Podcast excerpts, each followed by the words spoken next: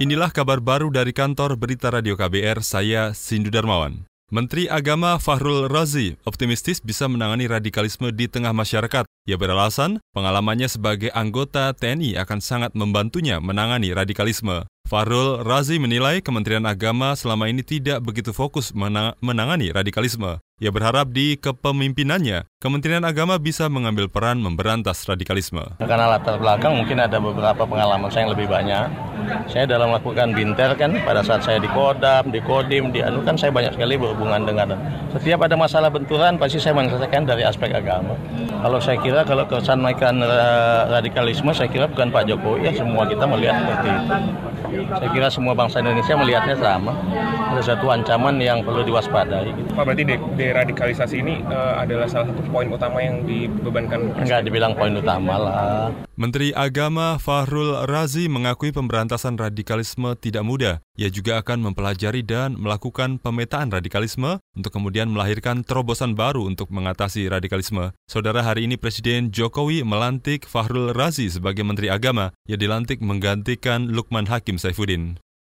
Partai Amanat Nasional PAN menyatakan tetap mendukung Kabinet Indonesia Maju Jokowi Ma'ruf Amin periode 2019-2024. Ketua Umum PAN Zulkifli Hasan mengatakan PAN akan menjadi pengkritik pemerintahan jika kelak ada ketimpangan atau kesalahan dalam kebijakan yang dikeluarkan. Kita dukung doakan pemerintah, saya selalu mengatakan tidak kita memang tidak minta apa-apa, kita akan dukung dan doakan agar Pak Jokowi bisa sukses ya.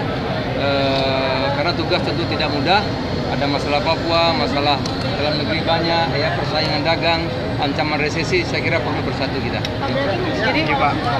Nggak masalah, ya kita dukung dan doakan, jadi mitra yang kritis lah. Ketua Umum PAN Zulkifli Hasan menilai komposisi kabinet yang dipilih Jokowi Ma'ruf Amin tepat, yang mencontohkan seperti penempatan Prabowo Subianto sebagai Menteri Pertahanan. Bagi PAN, Prabowo cukup mumpuni melakukan tugasnya mempertahankan keamanan negara, apalagi memiliki pengalaman sebagai anggota TNI.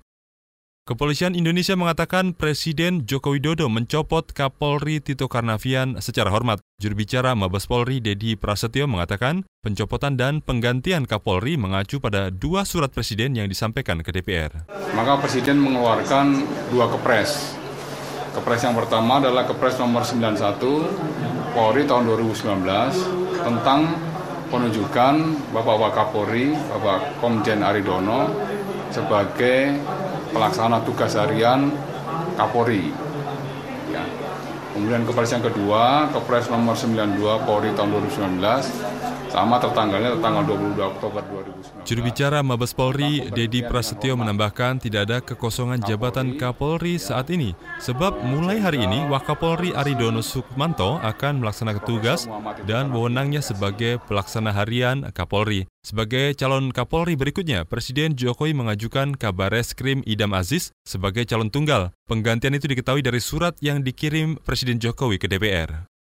Ribuan rumah warga rusak akibat angin kencang yang melanda dua kecamatan di Banjarnegara, Jawa Tengah awal pekan ini. Kepala Seksi Kedaruratan dan Logistik BPBD Banjarnegara, Agus Haryono mengatakan, ada 11 desa di dua kecamatan di Banjarnegara yang terdampak angin kencang. Saat ini ya belum bisa ada perubahan kayak data yang kemarin karena memang hari ini masih ada asesmen yang tentang data jumlah ban yang rumah rusak. Berarti Kecamatan Batur yang kena angin 8 desa, Kecamatan Pejawaran 3 desa. Rumah rusak atapnya yang atap loh ya. Keseluruhan 1396 rumah. Yang rusak berat itu 300 76, rusak sedang 600. Kepala Seksi Kedaruratan dan Logistik BPBD Banjarnegara Agus Haryono menambahkan, BPBD bersama instansi lainnya masih berkoordinasi untuk penanganan rumah rusak. Hingga saat ini, belum ada keputusan terkait bantuan dari pemerintah karena harus menunggu surat keputusan dari Bupati Banjarnegara.